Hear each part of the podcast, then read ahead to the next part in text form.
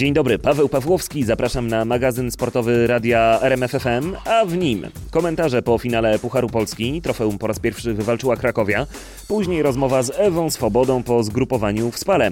Co słychać u Natalii Partyki? Porozmawiamy z naszą tenisistką stołową. Na koniec zapytamy Piotra Gacka o zamknięty już na ten sezon skład siatkarskiej Werwy Warszawa. Zapraszam. Ale na początek Krakowia z piłkarskim Pucharem Polski. Pasy pokonały po dogrywce Lechie Gdańsk 3 do 2. Posłuchajmy, co po tym meczu mówił trener Krakowi Michał Probierz. Zaczęliśmy bardzo nerwowo to spotkanie, mieliśmy bardzo dużo strat, wiedzieliśmy, że Lechia analizowała wszystkie nasze spotkania i zdawaliśmy sobie sprawę, że zagrają zupełnie inaczej, dlatego też zabezpieczyli mm, boki i, i widać było, że od samego początku nie dali tych generalnie takich mocniej ofensywnych zawodników, tylko dali zawodników, którzy grają więcej w defensywie jak Udarewicz i Hajdari. Tutaj też wiedzieliśmy, że, że możemy mieć problem, że w środku pola jednak tych zawodników było trochę więcej. No i sprokurowaliśmy sami bramkę, gdzie, gdzie no, nie, nie możemy w taki sposób bramek tracić, jeżeli chcemy o coś grać i e, tak w tym momencie akurat tak e, mi się przypomniało początek tego sezonu i mówię, no ale po to też mm, profesor płaci trenerowi, żeby w przerwie coś zmienił i, i to jest taki czas, że, że można wtedy coś pozmieniać i, i widać, że w drugiej połowie wyszła zdecydowanie inna drużyna, pełna wiary. I od pierwszego minu minuty drugiej połowy narzuciliśmy e, bardzo agresywny styl grania, a graliśmy ofensywnie. Co przyniosło skutek, o czym mówił Probierz. A jak to spotkanie komentował trener Lechi Piotr Stokowiec? No cóż, e, szkoda, że, że nie ma dwóch pucharów, bo myślę, że obie drużyny zasłużyły dzisiaj na, na ten puchar i stworzyły fantastyczne widowisko. E, e, e. Ja jestem naprawdę pełen podziwu dla mojej drużyny po tak trudnym sezonie. Pokazali charakter i, i dzisiaj no, byliście Państwo i byliśmy świadkami naprawdę fascynującego meczu. Mówił po tym spotkaniu Stokowiec. Tyle o piłce. Teraz lekkoatletyka i Ewa Swoboda, która zakończyła zgrupowanie w Spale, a rozmawiał z nią Wojciech Marczyk. Trochę się obawiałaś tego wyjazdu, pamiętam jak rozmawialiśmy przed nim. E, jak wrażenia, jak odczucia udało się zrealizować w pełni plan? E, tak, nawet e, udało się go trochę bardziej zrealizować. Jestem bardzo zadowolona z obozu. E, no nigdy po pierwszym dniu nie mieliśmy już takich zakwasów, także robota szła pełną barą. No oczywiście było trochę tych e, takich e, obaw. Mało wychodziliśmy z pokoju, przeważnie siedzieliśmy wszyscy razem. No i nie wychodziliśmy też nigdzie i na stołówkę trzeba było wchodzić w maskach, no i tak dystans trzymać. Pamiętam, że mówiłaś w naszej poprzedniej rozmowie około przygotowanie na 70% wtedy oceniałaś, więc teraz po spale ile byś procentowo mogła powiedzieć, ile tam się udało wypracować tych elementów, nad którymi chciałaś? No myślę, że już tak 80%. E, jeszcze przede mną jeden obóz, ale na szczęście w Szczyrku, także bliziutko. E, także chciałabym, chciałabym być gotowa już na ten wrzesień, tym bardziej na ten ostatni mój start na Memoria Kamili Skolimowskiej. A jak nie wyjdzie, no to trudno, no. To za rok wszystko nadrobimy i nie wiadomo, co to będzie. Może sezon... wróci, może nie. Ten sezon też jest o tyle fajny chyba, że macie taki właśnie luz, że nie musicie się spinać e, bardzo mocno na te wyniki i nie ma tej imprezy głównej docelowej jakiejś. No trochę przykro, że nie ma tej głównej imprezy, bo wszystko było przygotowane pod to. I jakbyśmy po prostu wiedzieli trochę wcześniej, że będzie koronawirus, że wszystko będzie odwołane, no to na pewno hale byśmy startowali. Ale to już chyba też mówiłam. E, no, jest trochę parcie, bo no, trzeba się pokazać, bo długo nie startowałam. Też już bym chciała wystartować. Ostatni start w październiku, także to jest trochę czasu. No właśnie, bo to dla Was też jest chyba problem, żeby ocenić cokolwiek, jak, jak Wy sami trochę wyglądacie na tle rywali, no bo dobra, trening treningiem, czasy możecie zmierzyć i tak dalej, i tak dalej, ale to nie jest ten sam poziom rywalizacji. No nie, no yy, dla mnie ja nie umiem po prostu na treningu dać siebie tego, co daję na zawodach, bo bieganie na treningu na przykład po 11.40 albo coś, kręcenie się w tych okolicach, no to nie jest to samo. Biegam sama, nie biegam z rywalkami. No i no, aż tak się nie chce, nie ma takiej motywacji, a jeszcze tym bardziej troszeczkę się tym stresuję, no bo od października bez startów to nie wiadomo, jaki może być ten pierwszy start. Nie wiem, czy jeszcze umiem z bloku wychodzić, także zobaczymy. E, dzisiaj poznałaś też e, rywalkę. To też jakoś dodatkowo motywuje, no bo, bo będzie z kim się tutaj pościgać. E, no, jak najbardziej. Ja bardzo lubię Daftę, bardzo lubię z nią biegać. Zawsze, zawsze jest przede mną, oprócz no, tych ostatnich halowych Mistrzostw Europy. Ale myślę, że to jeszcze bardziej mnie napędzi do tego, żeby jeszcze bardziej pracować i po prostu, żeby pokazać się jak najlepiej. E, to, o czym też tu gdzieś było mówione, tak naprawdę trochę ten memoriał wychodzi w tym roku na, na, na, na bardzo ważną imprezę dla, dla wszystkich sportowców, także w Europie, no bo tych startów naprawdę niewiele, a on jest jeszcze w dość prestiżowym e, gronie tych międzynarodowych Continental Tourów. Tak, y, dokładnie tak. To no, możemy trochę poczuć przynajmniej tej zagranicznej nuty sportowców. Możemy się poczuć tak, jakbyśmy byli na jakichś większych zawodach. Jeszcze tym bardziej jak startujemy tutaj, no to stadion jest duży. Miejmy nadzieję, że może być te 50% kibiców, tak, to jest 27 tysięcy. No to bardzo dużo. Myślę, że y, żadne zawody w Polsce na pewno nie przyniosą takich emocji jak te. Twoją przewagą jest to, że to jest jakby twój stadion, tak można powiedzieć, a, a Dafne może go do końca tam nie zna. E, tak, mogę tak powiedzieć, bo ja już tu startowałam no trochę razy, nawet nie wiem ile. Także ja wiem co jak, y, co gdzie jest, y, jak się zbierać, y, jak szybko się zacząć rozgrywać i po prostu no, wiem wszystko, mam przewagę. To Ewa Swoboda. A co słychać u Natalii Partyki? Z naszą tenisistką stołową rozmawiał Patryk Serwański. Natalia, jak te ostatnie miesiące Ci minęły? Bo właściwie wszystkich sportowców pytamy o to, jak odnaleźli się w tym trudnym czasie, kiedy trzeba było zmieniać całkowicie plany, były problemy z podróżowaniem, z treningami. Jak Ty sobie z tym poradziłaś? Powiedziałabym, że te ostatnie miesiące, może tygodnie, poniekąd e, spędziłam leniwie, inaczej niż zazwyczaj. E, no było, ta cała sytuacja z tą pandemią była zaskoczeniem dla wszystkich i chyba właściwie pierwszy raz myślę, że e, taka sytuacja spotkała każdego sportowca. E, chyba wszyscy mieliśmy pierwszy raz taką długą przerwę e, w treningach i w rywalizacji. Było to niespotykane. Gdzieś tam cię- ciężko było się na początku może w tym wszystkim odnaleźć, ale później myślę, że, że mi się udało. Starałam się e, no, coś tam po prostu robić. No, nie byłam w stanie grać w, ten, w tenisa, ale no, starałam się pamiętać o jakichś tam ćwiczeniach fizycznych, żeby to ciało e, no, utrzymać w jako takiej formie. E, No i cierpliwie czekałam, aż po prostu będziemy mogli grać. Ja byłam przez cały okres tej pandemii w Czechach i tam troszeczkę wcześniej pozwolono nam trenować, więc e, myślę, że 2-3 tygodnie wcześniej wróciłam do stołu niż tutaj moi koledzy w Polsce. No Pewnie w wielu dyscyplinach sportu był taki problem, że w ogóle nie można było mieć kontaktu czy z jakąś piłką. Nie wiem, siatkarze narzekali, że tej piłki nie mogli tam dotykać tygodniami. Teoretycznie ty możesz sobie wziąć paletkę, nawet siedząc przed telewizorem trochę poodbijać, nie stracić takiego kontaktu y, chociażby z tym sprzętem. To, to jest coś istotnego, czy mogłaś się rzeczywiście pozwolić sobie na takie odpuszczenie tego totalne? E, Nie, my też należeliśmy do tego grona sportowców, co raczej nie miało możliwości trenowania. Takie odbijanie piłeczki na rakietce w sumie nic by nam nie dało, niewiele ma wspólnego e, z takim normalnym treningiem, więc w sumie nie miało sensu, więc jakby rakietka leżała w torbie i cierpliwie czekała na swoją kolej, aż ją będzie można wyciągnąć i iść na trening. Po prostu ja robiłam wszystkie jakieś tam ćwiczenia fizyczne, na które byłam e, w stanie sobie pozwolić no, na mojej przestrzeni w mieszkaniu.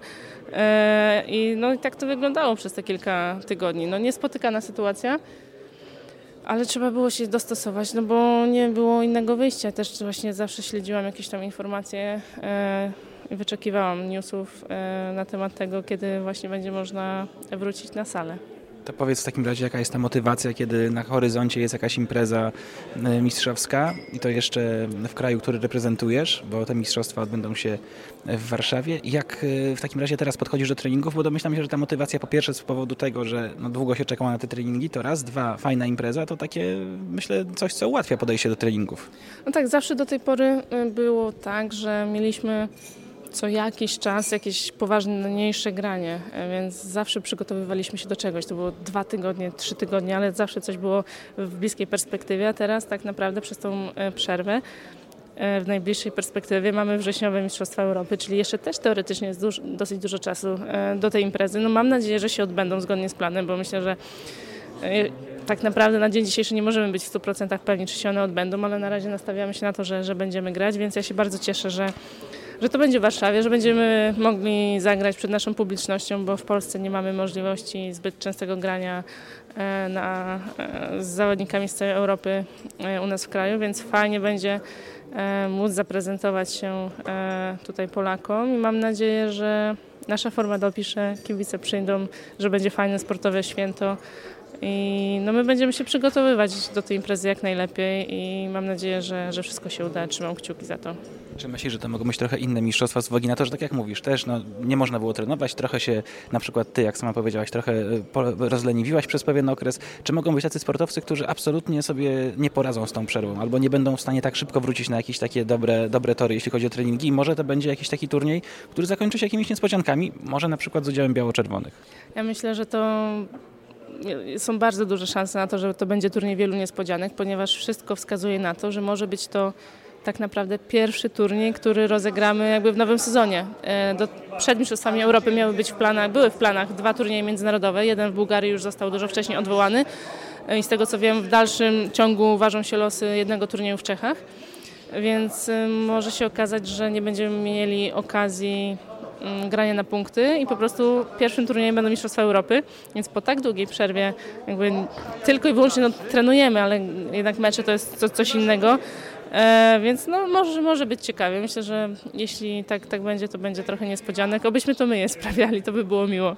Tak sobie myślę, że jeżeli kogoś ma premiować ten brak grania punkty przez dłuższy czas, no to zawodniczki czy zawodników bardziej doświadczonych, takich, którzy już y, wiele przeżyli w sporcie i wiele wiedzą, na przykład takie zawodniczki jak ty. No tak, ja już się łapię do tego grona, nie da się ukryć, trochę lat przy stole mam. E, no oby, oby tak było. No, wiadomo, że wiele rzeczy wpływa na na formę, na dyspozycję dnia i tak dalej, ale ja myślę, że jak już te mistrzostwa się odbędą, no to na pewno zrobimy wszystko, ja zrobię wszystko, tak samo moi koledzy, aby po prostu grać jak najlepiej może mam nadzieję, że nie będzie żadnych braków, bo, bo, będziemy wytrenowani, bo będziemy mieli za sobą dużo treningu, e, tygodni treningów, a jeśli będzie czegoś brakowało, no to na pewno jakoś tam będziemy nadrabiać e, doświadczeniem czy e, walecznością. Myślę, że damy radę. Powiedz mi jeszcze na koniec, bo wiadomo, że większość sportowców, dziennikarzy, kibiców miało sprecyzowane plany na lato. Czy to było euro piłkarskie, czy igrzyska olimpijskie, no wszystko to się poprzekładało, więc plany życiowe też związane gdzieś z kolejnymi miesiącami wielu sportowców chciało kończyć karierę, już miało, nie wiem, plany na wakacje, że za rok sobie w końcu odpoczną, no bo rok olimpijski to nie jest rok na odpoczynek Y, u Ciebie też trzeba było pewną pewnie rewolucję przeprowadzić. Myślę, że też taką y, mentalną, no bo już znowu trzeba będzie gdzieś za parę miesięcy budować od początku takie nastawienie na igrzyskach, które już pewnie budowałaś gdzieś, nie wiem, od jesieni. No tak, pozmieniało się to bardzo mocno. E, jednak myślę, że w głowie ja już się gdzieś tam przestawiłam na to, że igrzyska odbędą się w przyszłym roku. Wiadomo, że ten turniej, ten rok przedolimpijski był niezwykle ciężki, ponieważ e, bardzo dużo poświęcaliśmy, aby mm, wywalczyć kwalifikacje na Igrzyska. To był nasz cel numer jeden i wiązało się to po prostu z bardzo dużą ilością wyjazdów, więc właściwie w ogóle nas nie było w domu. Jeździliśmy z turnieju na turniej, walczyliśmy o punkty rankingowe i to kosztowało nas naprawdę wiele wyrzeczeń dużo siły.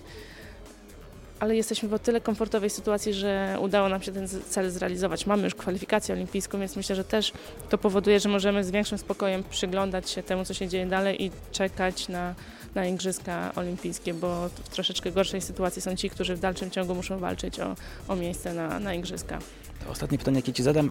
Ostatnio nasi kolarze torowi, którzy trenowali w Spale, mówili o tym, że mogą teraz zajmować się rzeczami, na których normalnie nie mają czasu, jeśli chodzi o elementy treningu. Czy Ty też teraz, skoro możesz spokojnie myśleć o igrzyskach, możesz też poświęcić się w treningu trochę elementom, na które czasami brakuje z różnych powodów czasu? E, oczywiście, że tak. Ja się pod tym podpisuję, bo normalnie w ciągu sezonu mamy mało czasu na treningi, więc nie ma czasu na to, aby nie wiem, wyeliminować jakieś błędy, poprawić dużo rzeczy, które wymagają po prostu kilku godzin spędzonych na sali.